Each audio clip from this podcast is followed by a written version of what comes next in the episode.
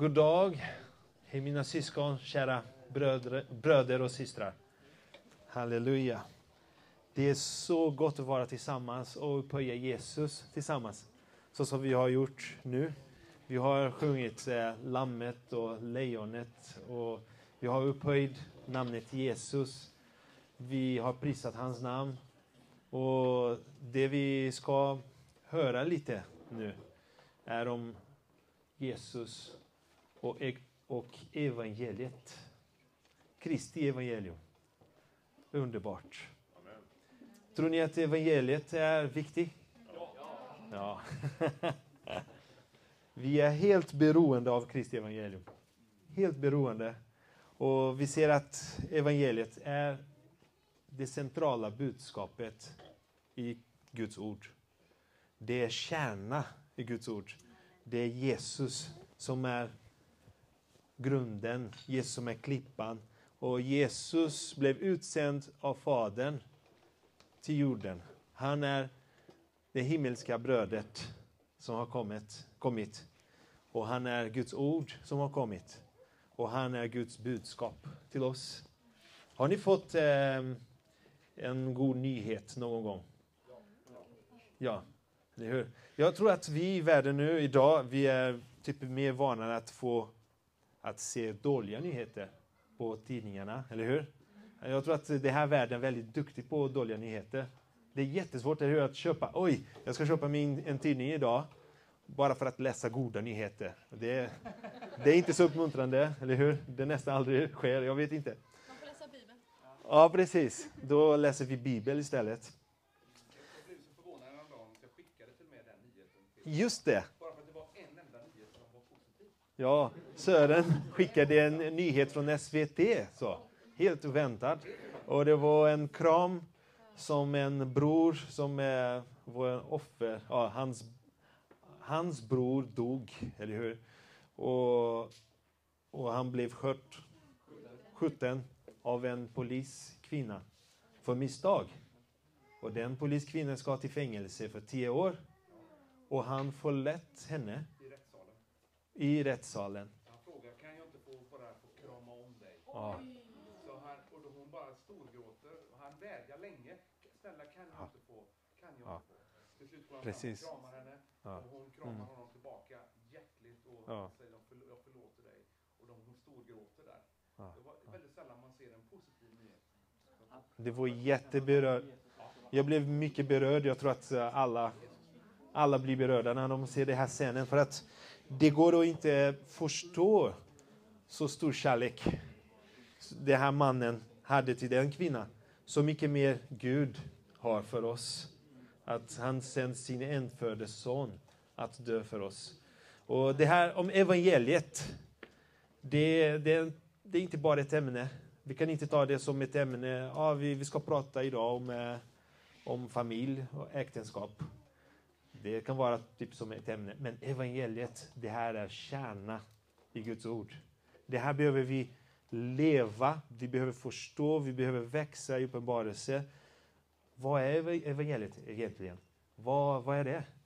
Och vi, jag tänker lite om goda nyheter. Jag tycker det är så kul när man beställer någonting på, på nätet och sen får man det här smset från Postnord.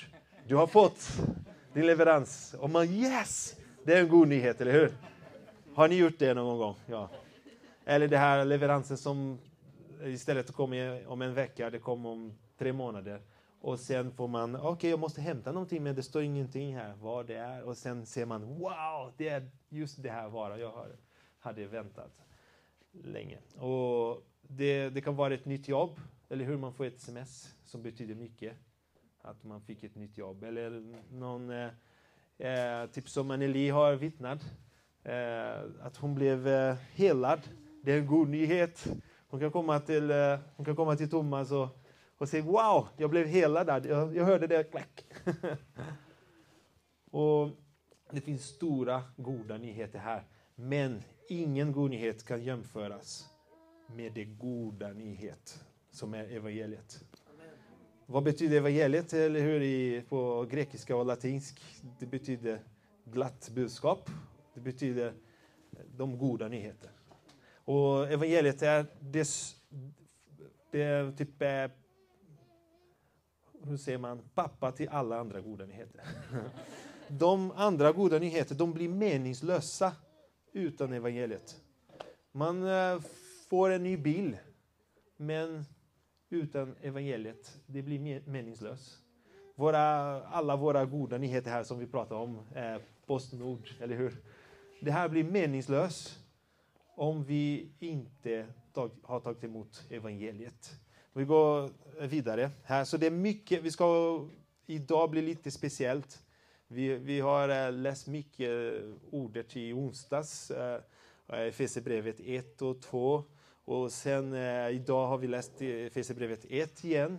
I husförsamlingen har vi läst Efesierbrevet 1. Jag känner att det finns en nöd från Anden att vi ska gå djupare i ordet. Att vi tillsammans ska surfa jordet istället för att surfa i de dåliga nyheter i världen. Eh, frustration, sjukdomar, eh, krig. Vi ska gå jordet djupare, djupare tillsammans som församling. Amen. Så vi går, nu går vi, surfar vi lite här. Det är viktigt att ni är redo där med era biblar på appen och, eller på pappret. Eh, de som antecknar, känn inte frustrerad om ni kan inte anteckna allt. Jag, jag kan skicka sen mina ja, bibelverserna här. Men det är viktigt att vi läser tillsammans i ordet. Så det, vi får börja där i Galatbrevet 1, vers 6 och 7. Galatbrevet 1, vers 6 och 7. Jag, jag har tänkt på tre saker som evangeliet är. Jag har tänkt på tre viktiga saker. Det första saken är att evangeliet är det enda evangelium som finns. Det riktiga evangeliet. Så där i eh, Galatbrevet 1, 6 och 7 står Jag är förvånad att ni så fort överger honom som har kallat er genom Kristi nåd och vänder er till ett annat evangelium fast det inte finns något annat. Det är bara några som skapar förvirring bland er och vill förvränga Kristi evangelium. Så det finns bara ett evangelium och det är i Kristus. Sen den andra saken jag har tänkt att evangeliet är enkelt och djupt. Det är tillräckligt enkelt att de små kan förstå. Det är tillräckligt enkelt att ni är helt nyfrälst eller en person som hör det på gatan kan, aha, få det här uppenbarelse som anden ger. Och de minst förståndiga kan förstå evangeliet bättre än många vissa. Bättre, de kan förstå mer än jag förstår ibland evangeliet faktiskt. Ett, ett litet barn kan förstå så mycket av evangeliet. Och ibland blir vi så här överraskade när en av våra barn säger någonting så djupt, eller hur? Någon uppenbarelse om evangeliet. Och vi, vi kan kolla där i Matteus evangeliet 11.25. När Matteus evangeliet kapitel 11, vers 25. Ibland ska jag gå lite snabbare, eh, så om ni inte hinner eh, öppna så ingen fara. Vid den tiden sa Jesus, jag prisar dig far, himlens och jordens Herre, för att du har dolt detta för de visa och kloka och uppenbarat det för de små. Och sen kan vi kolla igen eh, en annan vers om det här att evangeliet är enkelt och djupt. Det är första Korinthierbrevet 2. Första Korinthierbrevet 2, vers 2 till 4.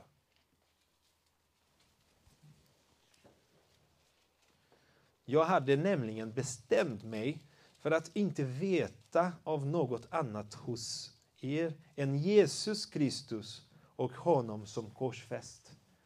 Svag, rädd och mycket orolig kom jag till er. Mitt tal och min predikan kom inte med övertygande visdomord, visdomsord utan med bevisning i ande och kraft. Så vi, vi, vi ser att evangeliet är för alla. Tack Gud. Det, man behöver inte gå till universitet, bibelskolan, för att ta grepp av, begrepp av evangeliet. Men man kan ju ha, vi, i församlingen tack och lov har vi lärare, vi har många som studerar och går i detaljer.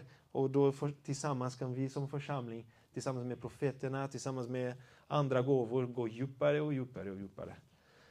Tack och lov. Från den små, den, den, vad heter, den minsta i församlingen, den som har precis tagit emot Jesus, eh, kanske en åttaårig, och tills den som är 90 år gammal och väldig lärare i Guds ord. 105 år, eller 120.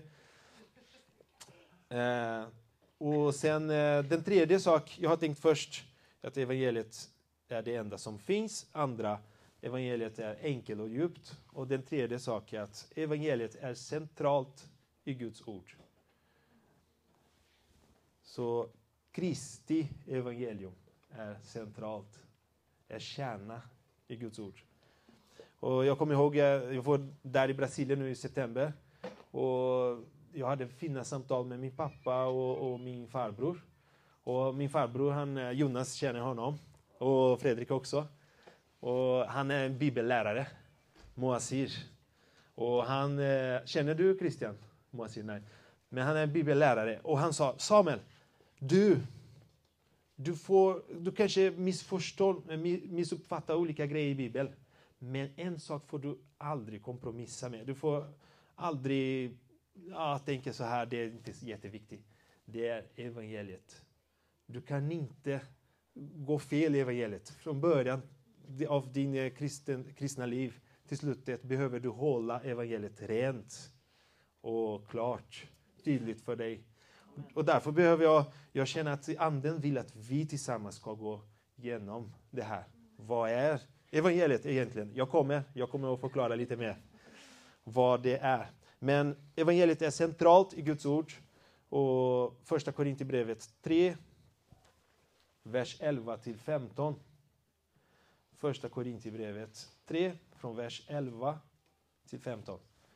Ingen kan lägga en annan grund än den som är lagd, Jesus Kristus. Om någon bygger på den grunden med guld, silver och eldstenar eller med trä, hö och halm så ska det visa sig hur var och en har byggt. Den dagen ska visa det, för den uppenbaras i eld och elden ska pröva hur vars och ens verk är. Om det verk som någon har byggt består ska han få lön, men om hans verk brinner upp ska han miste om lönen. Själv ska han dock, dock bli frälst, men som genom eld. Så det här som är, jag säger den här texten, det som är avgörande för frälsningen är grunden, eller hur?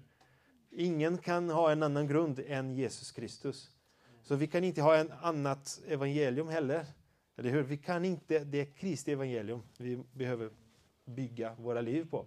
Och sen Galatbrevet 1, vi ska tillbaka till samma text där. Galatbrevet 1, vers 8 och 9. Galatbrevet 1, vers 8 till 9. Men även om vi själva eller en ängel från himlen skulle ge er ett annat evangelium än det vi har predikat, så ska han vara under förbannelse. Det, vill, det vi redan har sagt säger jag nu igen. Om någon ger er ett annat evangelium är det ni har tagit emot, än, än det ni har tagit emot, så ska han vara under förbannelse. Det är intressant. Han säger här två gånger, ja, det jag har sagt, det vi har sagt, vi ska säga en gång till. Om den ger ett annat evangelium, han ska gå, han ska vara under förbannelse. Och det här är väldigt starkt, eller hur? Här visar anden genom Paulus att man får inte leka med evangeliet. Man får inte ta det för givet. Ja, men jag vet, Jesus dog för mig och han uppstod och jag är frälst och jag har bett den här bönen. Punkt. Man får inte leka med det. Vi behöver kolla vad är det som Guds ord betonar mest? Vad är det som Guds ord mm, eh, markerar mest där? Och vi ser att vi ser Jesus i hela Guds ord. Och vi ser Guds budskap i hela Guds ord. De goda nyheter i hela Guds ord. Eh, och då behöver vi gå djupare tillsammans. Så jag tänker lite så här, vi ska tillsammans som en spiral djup, i, i djuphet av evangeliet tillsammans. Så till exempel att vi, den som vi har tänkt och pratat, det är någonting som vi behöver som församling varje år gå igenom. Och sen jag, jag personligt behöver varje dag leva i det här. Eh, studera och, och, veta vad det som är, vad evangeliet betyder för mig. Så ja, nu tänkte vi, vi pratade lite, pratade med, lite med Fredrik och Daniel och andra ledare och diakonerna också, eh, om tre saker vi ser i Guds ord som är eh, basic, som är tre element, vad heter Tre dimensioner i evangeliet som är viktiga. Vi kan inte slänga bort någon av de tre. De fungerar tillsammans. Och den första dimensionen är korset, Kristi kors. Den andra dimensionen är den tomma graven. Jesus uppstod. Halleluja! Halleluja. Han inte bara dog, men han också uppstod. Halleluja! Och den tredje är tronen. Jesus är kung. Han regerar. Halleluja! Om man tar bort en av dem, man börjar prata bara att Jesus regerar och han regerar och han regerar, då kan vi lätt gå till någon eh, lagligt eh, sätt att tänka. Man kan tänka, nej men jag måste lyda, punkt. Men då förlorar jag, då missar jag att Jesus har dött, eh, han dog för mig. Att han tog all min straff på korset. Och sen missade jag också att han uppstod. Att han, eh, det blev en ny människa nu. Och jag i Kristus är en ny människa. Så vi ska vidare. Eh, Kolossbrevet 2, vers 13. Där kan vi kolla lite om eh, första punkten, korset. Så nu pratar vi om korset. Kolossbrevet 2.13. Eh, från delen C, där, den sista delen från vers 13. Där. Det står, han har förlåtit oss alla överträdelser och utplånat skuldebrevet som vittnade mot oss med sina krav. Det tog han bort genom att spika fast det på korset. Halleluja! Så vi hade en stor, stor skuld. Vi, vi, hade, vi har syndat, eller hur? Är det en uh, god nyhet eller är det en dålig nyhet? ja, och sen kan vi kolla där på Romarbrevet 3. Jag hittar inte det på mina anteckningar. Just det, 3, 10, 12. Romarbrevet 3, 10 till 12. Som det står skrivet, ingen rättfärdig finns. Inte en enda. Ingen finns som förstår, ingen som söker Gud. Alla har avfallit. Alla är fördärvade. Ingen finns som gör det goda. Inte en enda. Det här är väldigt viktigt att förstå. För att vi, även vi som tror på Jesus, kan försöka vara goda i vår egen styrka. Och vi ska prata lite mer om det. Eh, vi ska prata lite ja, vidare, kolla i Bibeln var, varför vi ska inte vandra i vår egen styrka. Och när vi predikar evangeliet i, ute, folk brukar säga, nej men jag är en god person. Jag har inte, eller hur? Jag har inte mördat någon. Jag har inte... Ja, man jämför, jämför sig med andra kriminella eller Hitler eller någon som gör någonting som man eh, tror att det är en ond person. Och det, det kan, vi kanske gör det också ibland. Förstår ni? Och det är så viktigt att vi blir påmind att det finns inte en enda, ingen annan. Det står bara Jesus. Och sen eh, första Korinthierbrevet 15. Ursäkta att det är många verser, men eh, jag, jag, ska skicka sen till er. Ja, nej. men det blir lite speciellt idag. Eh, Ja, det är extra mer. Men eh, första Korinthierbrevet 15, vers 1-6. Bröder, jag vill påminna er om evangeliet som jag predikade för er. Som ni tog emot och som ni står fasta i. Genom evangeliet blir ni frälsta. Om ni håller fast vid ordet som jag förkunnade. Annars var det ingen mening med att ni kom till tro. Jag förde vidare till er det allra viktigaste, vad jag själv har tagit emot. Att Kristus dog för våra synder, enligt skrifterna. Att han blev begravd. Att han uppstod, halleluja, på tredje dagen, enligt skrifterna. Och att han visade sig för Kefas, som är Petrus, och sedan för de tolv. Därefter visade han sig för men, mer än 500 bröder på samma gång. De flesta av dem lever än, även om några har insomnat. Eller ja, några har gått till, till Gud, insomnat. Halleluja.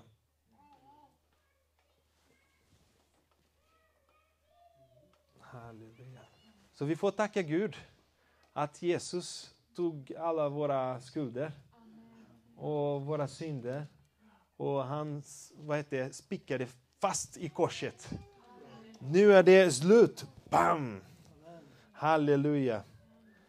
Vi får tacka Gud. Eh, Romarbrevet 5, 8. Det står, men Gud bevisar sin kärlek till oss genom att Kristus dog för oss medan vi ännu var syndare. Vi var syndare och Jesus ändå dog på korset för oss. Halleluja. Så vi får tacka Gud nu. Och tacka Gud, tack för så stor kärlek. Tack Gud för de goda nyheter. Åh Gud, halleluja. Du kan be högt, du som vill. Halleluja. Halleluja. Tack Gud. Tack för den stora kärleken. Amen. Amen. Amen. Amen. Halleluja. Shira marala kande de kande marala kande. Åh Gud. Amen. Amen. Shira marala kande de kande de marala. Åh Gud. Mm, mm. Mm, mm. Halleluja. Ora la mara la mara la. Ora. Ora la mara la. Åh Gud. Tack Gud. Amen. Andra Korintierbrevet 5, 14. Andra Korintierbrevet 5, vers 14. Det står Kristi kärlek driver oss. För vi är övertygade om att en har dött för alla. Och därför, vad står där? Och därför har alla dött. Det här budskapet om korset är väldigt djupt, väldigt viktigt. När Jesus dog på korset, där dog inte faktiskt bara han, men där dog den gamla människan. Där dog alla, alla vi, hela världen, i hela historien, hela mänskligheten. Från Adam till oss nu. Visste ni om det? Visste du? Alla dog. När Jesus dog på korset, det här gammal människa som kunde styra här i den här världen under djävulens uh, makt. Det här är död. Den gamla människan är död. Så, och det var genom Jesus. Och om du vill se en bra referens om det, det är den, just den, andra Korinthierbrevet 5.14. Att han har dött för alla och därför har alla dött. Om vi ser lite, lite vidare, vers 21, andra Korinthierbrevet 5, 21. Det står, han som inte visste av synd, honom gjorde Gud till synd i vårt ställe för att vi i honom skulle bli rättfärdiga inför Gud. Så det här vad sker där på korset var det mest dramatis dramatiska händelse. Det, mest, eh, det, det, största tragedi på ett sätt. Eh, att all, eh, det gamla människa dog där. Och det blev tre timmar i mörkret. Från klockan 12 till 15, eller hur? Från klockan 12 till klockan 3. Det blev helt mörkt. Och där blev Jesus helt sårad, eller hur? Han kunde inte ha gemenskap med sin far. Efter evighetens evigheter tillsammans med, med far. Då kunde han inte. För att det skedde precis det som står på vers 21 här. Han som inte visste av synd, han hade aldrig smakat synd.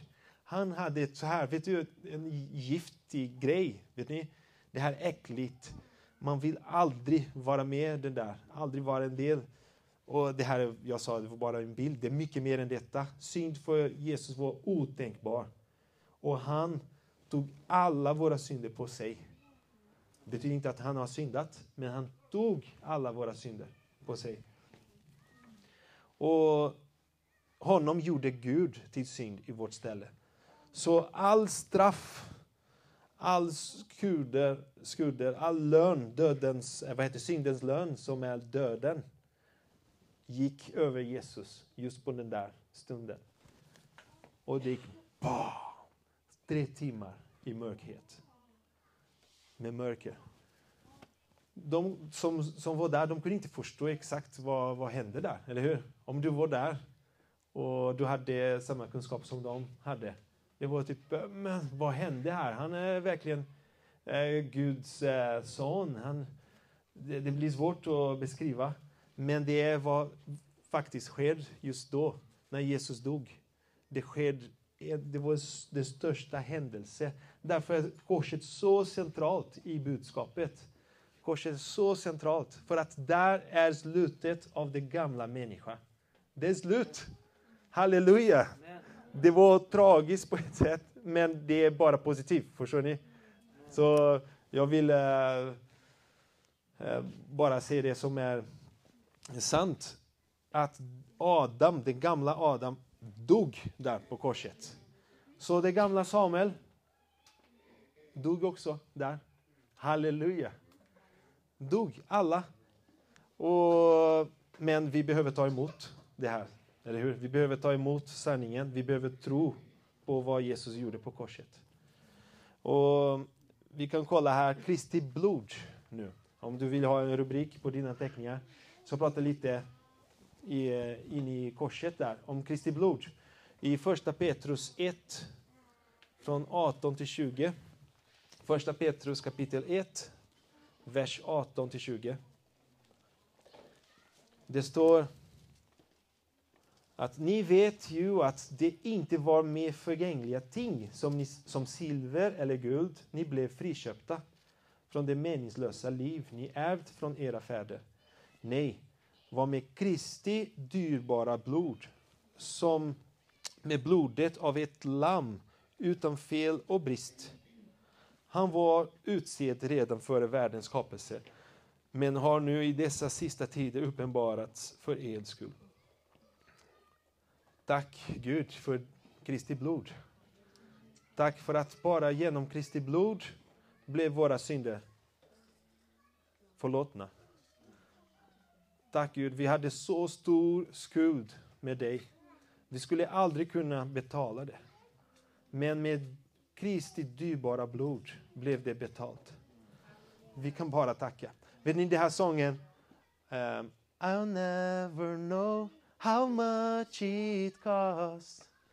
Den här delen av sången, det är lite så här, det är, det är svårt för oss faktiskt att veta hur mycket kostar det. Eller hur? Jesus som var i hela evigheten med Fadern och nu gjorde han en offer på korset och nu för evigheten kommer han bli som en, en människa och Gud samtidigt. För evigheten. Och nu, efter det här eh, korset, eh, delen, dimensionen, då den gamla människan är död, har ingen makt längre, har ingen makt över oss längre. Den gamla Adam, den gamla Samuel har ingen makt. Och då går vi vidare till, jag ska hoppa några verser här, men vi går vidare till den andra dimensionen, den tomma graven. Att Jesus uppstod på den tredje dagen. 1.21, ja, 21. Första Petrus 1.21.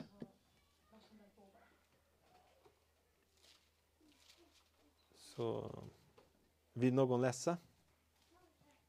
Ni som genom honom tror på Gud, som uppväckte honom från de döda och gav honom härlighet, så att er tro och ert hopp står till Gud.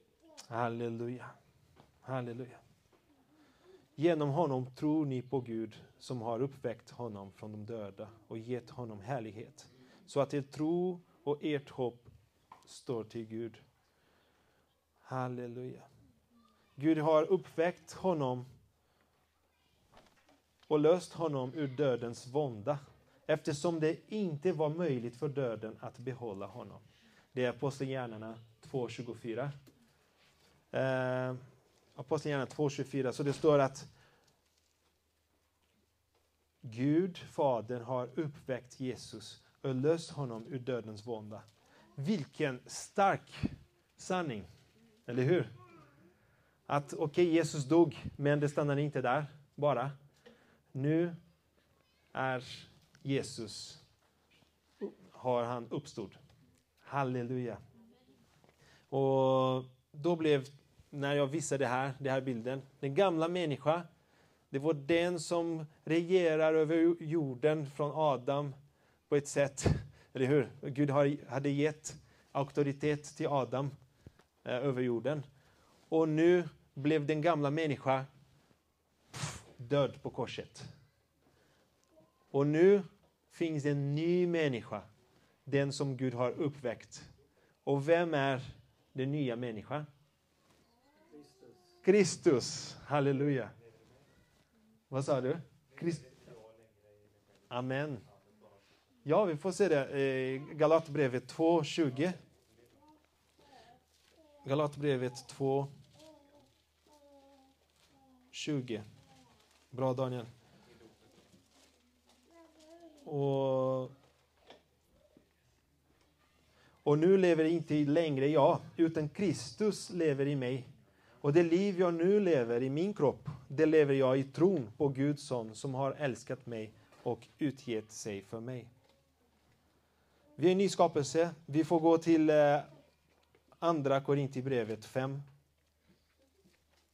Andra Korintierbrevet 5, 16. Så nu pratar vi om den tomma graven. Vi pratar att Jesus har uppstått och nu finns en helt, helt, helt fresh ny människa. En ny skapelse. Och där kan vi läsa Andra Korinthierbrevet 5, 16-17. Därför känner vi inte längre någon på ett ytligt sätt. Även om vi har känt Kristus på ett ytligt sätt känner vi honom inte så längre. Om någon är i Kristus är han alltså en ny skapelse. Det gamla är förbi. Något nytt har kommit. Halleluja. Så det gamla, Samuel, det är förbi. Och vet du, jag har hört det många gånger. Eh, ah, Samuel, det är Kristus som lever i dig, det är inte du. Ja, ah, men jag synder fortfarande. Jag har, gjort, jag har syndat. Jag har gjort det och jag var inte så snäll med den och den personen. Och, ah, vad, vad hände? Eller hur? Det blir en paradigm. Blir det så här, eller en paradox, säger man. Paradox, ja inte paradigm, paradox. Men saken är att det som är sant för mig enligt evangeliet är att i Kristus är jag en ny skapelse. Amen. Jag är en ny skapelse. Så vad behöver jag mer? Behöver jag sträva mer och bara? Behöver jag bara göra mer? Ja, kanske jag behöver träna mer att vara snäll. Jag behöver kanske...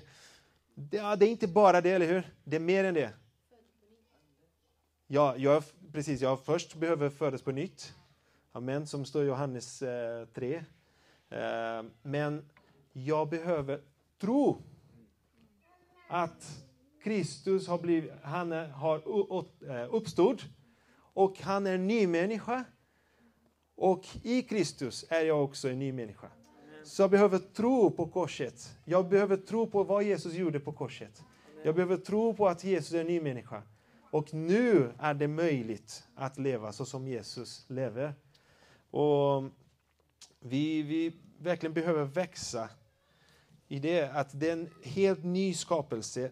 Det är någonting som inte fanns i det gamla testamentet. Eller hur? Det fanns inte. Gud och människa i ett. Jesus, han blev ett 100% människa och han fortfarande var ett 100% Gud. Eller hur? Det är, det är helt nytt nu. Och vi kan kolla ja, Filipperbrevet 2, 5-11. Och nu hoppar vi till den andra, den tredje dimensionen.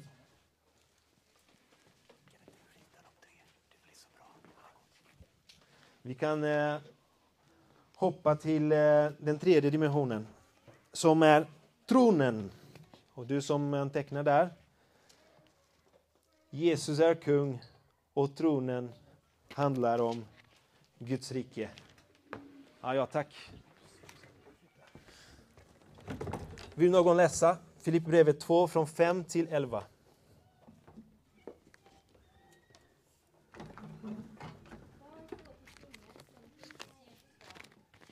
Han var till i Guds gestalt men räknade inte jämlikheten med Gud som segervärde utan utgav sig själv och tog en tjänares gestalt och blev människans lik. När han till det yttre hade blivit som en människa ödmjukade han sig och blev lydig ända till döden, döden på korset. Därför har Gud också upphöjt honom över allting och gett honom namnet över alla namn. För att i Jesu namn alla knän ska böjas i himlen och på jorden och under jorden. Och alla tungor bekänna att Jesus Kristus är Herren, Gud Fadern till ära. Halleluja. Jesus Kristus är Herre. Och nu, han är den nya människa och Gud har upphöjt honom. Hans namn över alla namn. Halleluja. Och det är så starkt när han säger att i Jesu namn. Men Jesu namn, det är en människas namn. Eller hur? Men det är inte en vanlig människa. Det är inte en människa som kommer från Adam. Det är inte en människa som är eh, släkt till eh, det gamla Samuel. Men det är en helt ny människa. Jesus Kristus efter korset, efter uppståndelse, då blev till en helt ny människa som inte fanns förut och som var en hemlighet. Eller hur? Det står i Kolossbrevet 1, 26, om jag minns rätt. Att det här var en hemlighet som var dold under hela tiden. Dold för alla. Jesus hade någonting som var dolt för även, jag, jag tror att även djävulen hade ingen bra koll på det här som skedde på korset. Han trodde att han skulle besegra Jesus när han dödade honom. Men det blev tvärtom, eller hur? Han blev besegrad. För att djävulen har ingen aning, aning om hur det fungerar att vara helig. Han vet inte. Nu han blev så förvirrad. Han förstår inte att en helig människa kan inte fångas av döden. Kan inte vara under dödens makt. Det går inte. Och när Jesus gick ner till, eh, he, vad heter det? Och när han gick ner till eh, Agis, till Ades. Ja. Och där predikade Jesus, vad predikade han? Evangeliet. För de som var i paradiset där, de som var i, i med Abrahams, ja det, det, det kan vi ta en annan gång. Som blir lite, annars blir det lite komplicerat för att jag måste förbereda mig också. Men han kom dit och predikade, hej! Nu finns, det, det, nu dog jag på korset. Nu är alla av era synder, synder betalda. Han predikade till vem? Det var till dem innan. Ja. Och, och han predikade evangeliet och sen tog han alla till Gud.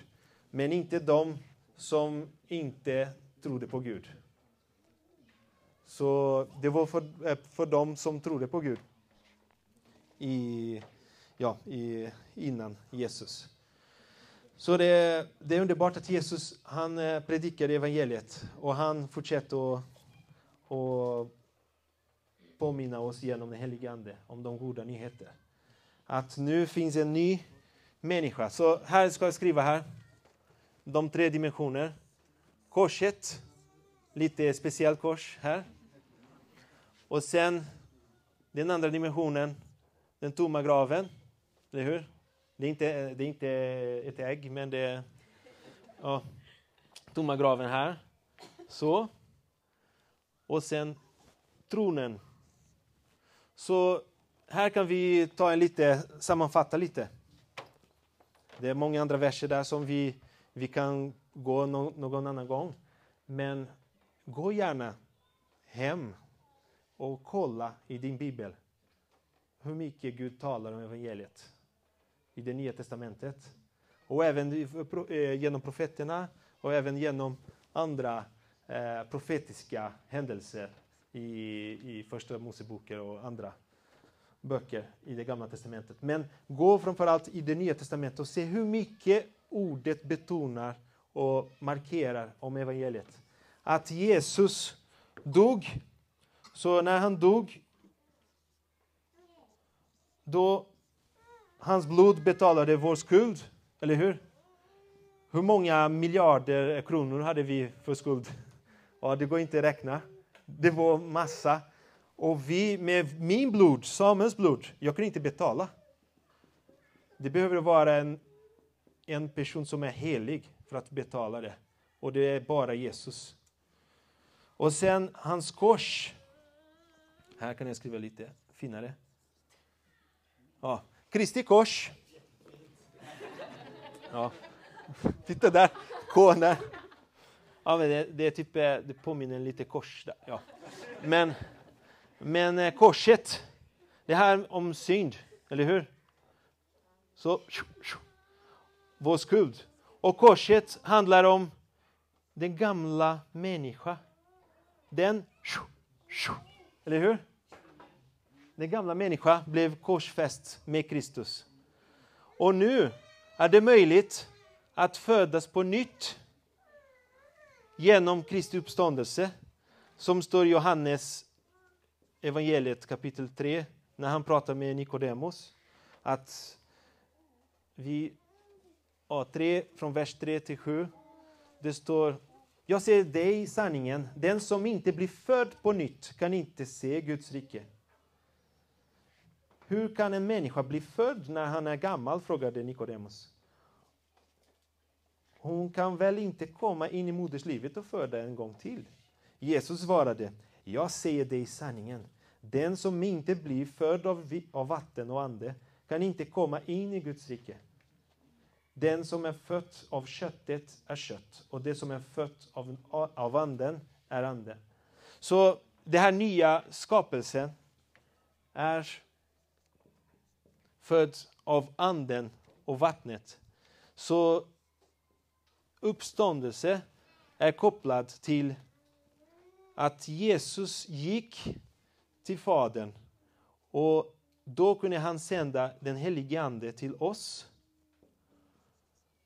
Och vi, när vi tror på detta har vi möjlighet att omvända oss och födas på nytt. Födas av vattnet. Vattnet, va? Det är med dubbel T. Anden och vattnet. Och, och sen, om jag föds på nytt, då kan jag, som Jesus säger här till Nikodemus, då kan jag komma in i Guds rike. Och sen inte bara komma in, men också leva i Guds rike. Så kommer ni ihåg någon, någon eh, bra sammanfattning som Jesus har gjort om vad, vad är Guds rikes eh, kultur? Det finns en väldigt bra sammanfattning. Matteus evangeliet kapitel 5, 6 och 7. Där eh, bergspredikan. när Jesus predikar där och folket var så här, wow, han predikar väldigt fina sanningar och så. Men kanske sen, när Jesus på slutet av kapitel 5 redan, han säger bli perfekta eller fullkomliga så som er fader i himlen är fullkomlig. Och då de, Uh, det går inte. Det, det är helt omöjligt i det gamla människa. Men i den nya människa, i anden, kan vi leva Guds rike. Så här kan vi leva Matteus 5, 6 och 7. Och vi behöver bara vara fyllda av anden för det. Uh, vi kan eh, ta en eh, vers här. Annie hade Kolossbrevet 3. Vilken? Eh, 3, 1 och 2. Kolossbrevet 3, vers 1 till 3. Så där kan vi se. Om ni, har, om ni nu har uppstått med Kristus, sök då det som är där ovan, där Kristus sitter på Guds högra sida. Tänk på det som är där ovan, inte på det som är på jorden. Ni har ju dött och ert liv är dolt med Kristus i Gud. Så när vi tänker om det som är ovan, det, det betyder att vi tänker på om det som är från Guds rike.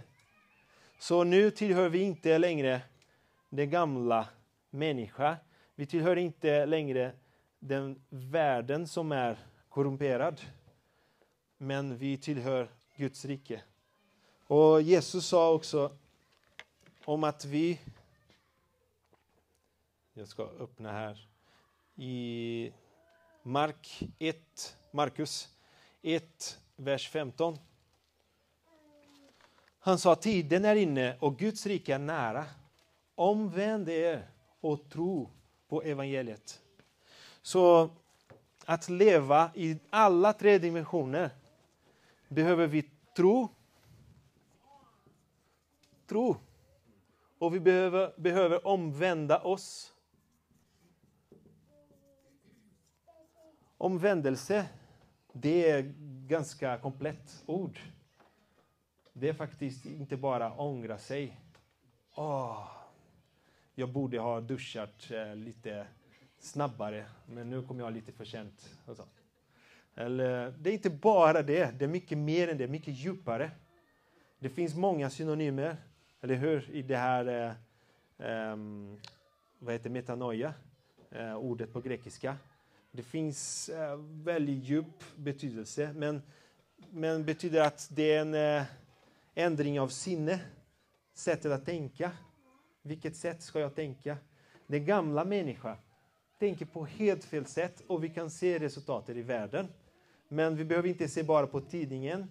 Vi behöver inte se på bara på de dåliga ny- nyheter. Vi kan se också hemma när vi ser en lite gammal människa som börjar och, och, och leva där. Hej, jag är här, jag lever. Nej. Men vad, vad säger här Jesus? Det var Jesus som sa det. Omvänd er och tro på evangeliet. Så vi behöver, vi behöver vandra i tro också. Vi behöver tro att det är möjligt. Eh, lärjungarna frågade en gång till Jesus, men det är omöjligt att bli, att bli frälst. Och Jesus sa, det som är möjligt för människor, det är möjligt för Gud. För den nya människan.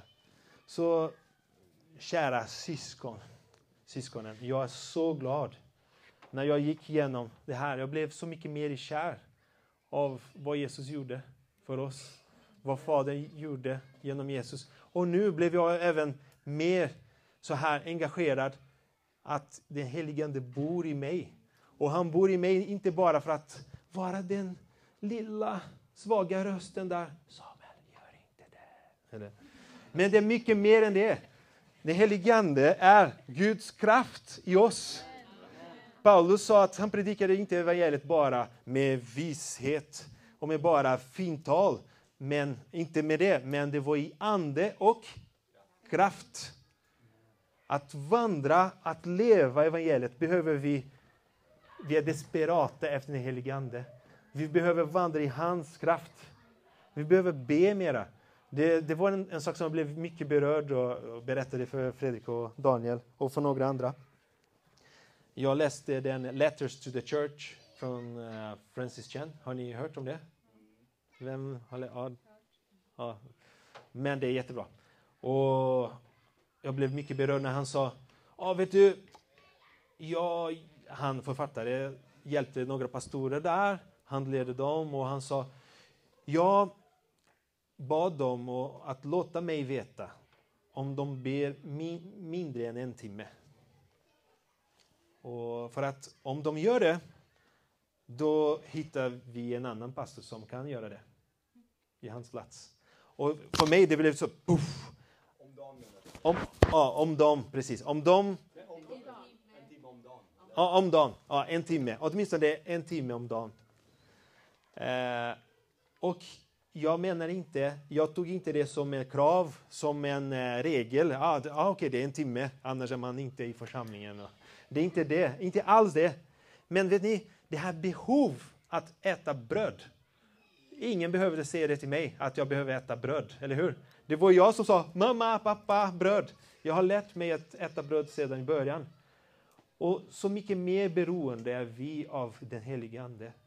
Så mycket mer beroende är vi att vandra i Guds kraft och inte i min gammal människas kraft. Och när vi är så upptagna och vi kan inte be för att jag är upptagen. Jag har så mycket mer som är viktigare än att be. Jag, har, eh, jag måste fixa det, jag måste diska, jag måste dammsuga, jag måste göra det och det. Då säger jag till mitt hjärta att jag är inte så beroende av Gud. Det är det jag säger till mitt hjärta. Och då börjar jag lura mig själv. För att jag är faktiskt mycket beroende av Gud. Eller hur? Vi är beroende. Varje andetag är vi beroende så, av Gud. Så mina vänner vill jag uppmuntra er. Be. Be mer. Det finns så mycket frestelse att, att inte be. Och ja, Daniel. Amen, amen. Be och fasta. För att när man fastar då visar man att man är beroende. Och jag, jag kan säga att jag behöver lära mig så mycket av det. Så läs, låt oss, eh, eller hur, bli fyllda av Kristi ord och uppfyllas av Anden.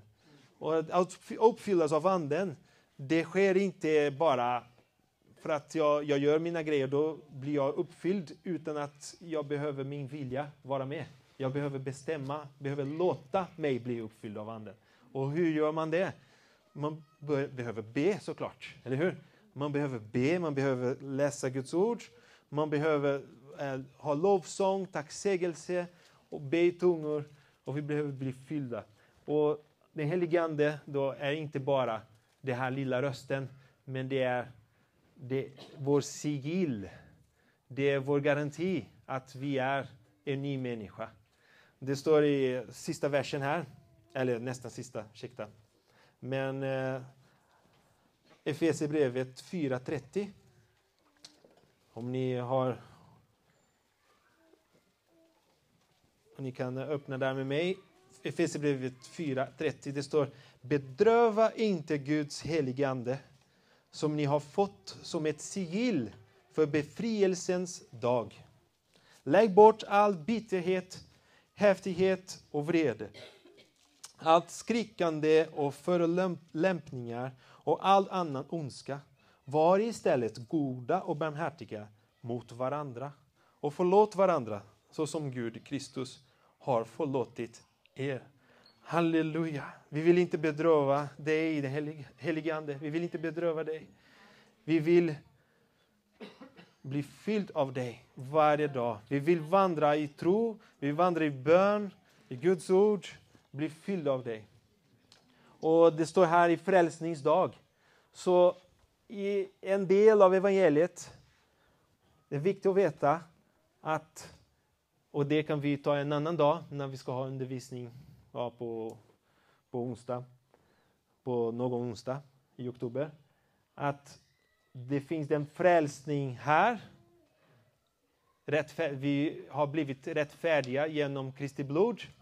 Det finns en frälsning genom Guds kraft, den nya människan. Och det är nu, när vi vandrar här på jorden och är fyllda av den helige Ande och vi ber och vi har blivit fyllda av den helige Ande och ber och är beroende av Gud. Och då synder jag, jag synder mindre och mindre och mindre. Ja, men jag har fortfarande frestelse eh, runt omkring. Jag har fortfarande köttet. Men jag är mer och mer beroende av Gud. Och mer märker jag att så- hur svag jag är i mig själv, men hur stark jag är i Guds kraft. Och, och sen, det kommer den dag. Och här står det i Efesierbrevet 4.30. Här pratar de om bef- eh, frälsningsdag. Och där är när vår kropp blir förhärligad. När vi får en ny kropp, nu finns ingen synd när, i närheten. Det finns inte närvaro, syndens närvaro längre. Och på den dag behöver jag presentera till Gud. Jag har Kristi blod och jag har sigillen, ja, som är den helige Ande. Och sen kommer jag ihåg om de tio ungfruar. De fem förståndiga och kloka och de oförståndiga. De fem oförståndiga. De fem förståndiga, vad hade de för litet? Olja. De hade, som är en bild av den heliga, den helige Ande. De, var inte, de tog det lite för givet, de var inte uppfyllda av Anden. Och då blev, de kunde inte komma i Guds rike. Det står det väldigt starkt för att Jesus säger Guds rike är liksom, och sen berättar han den berättelse om de tio. Så vi, att bli fylld av den helige Ande, det är inte en lyxig grej. Det är inte så här, det är inte, ja, det är lyxigt, men det är inte så här en extra sak. Det är ingen extra sak. Det är inte tillbehör. Det är inte plusmeny. Att bli fylld av den helige Ande är avgörande även för vår frälsning. Förstår ni det här? Det är vår sigill och han är vår garanti att vi, bli, bliv, vi har blivit frälst och vi är en ny människa, att vi är Guds barn. Så vi, vi ser helheten här idag. Det var bara en överblick. Och sista versen är Psaltaren 103, 1-5. Så musikerna kan eh, komma och vi ska... Psaltaren 103, vers 1-5.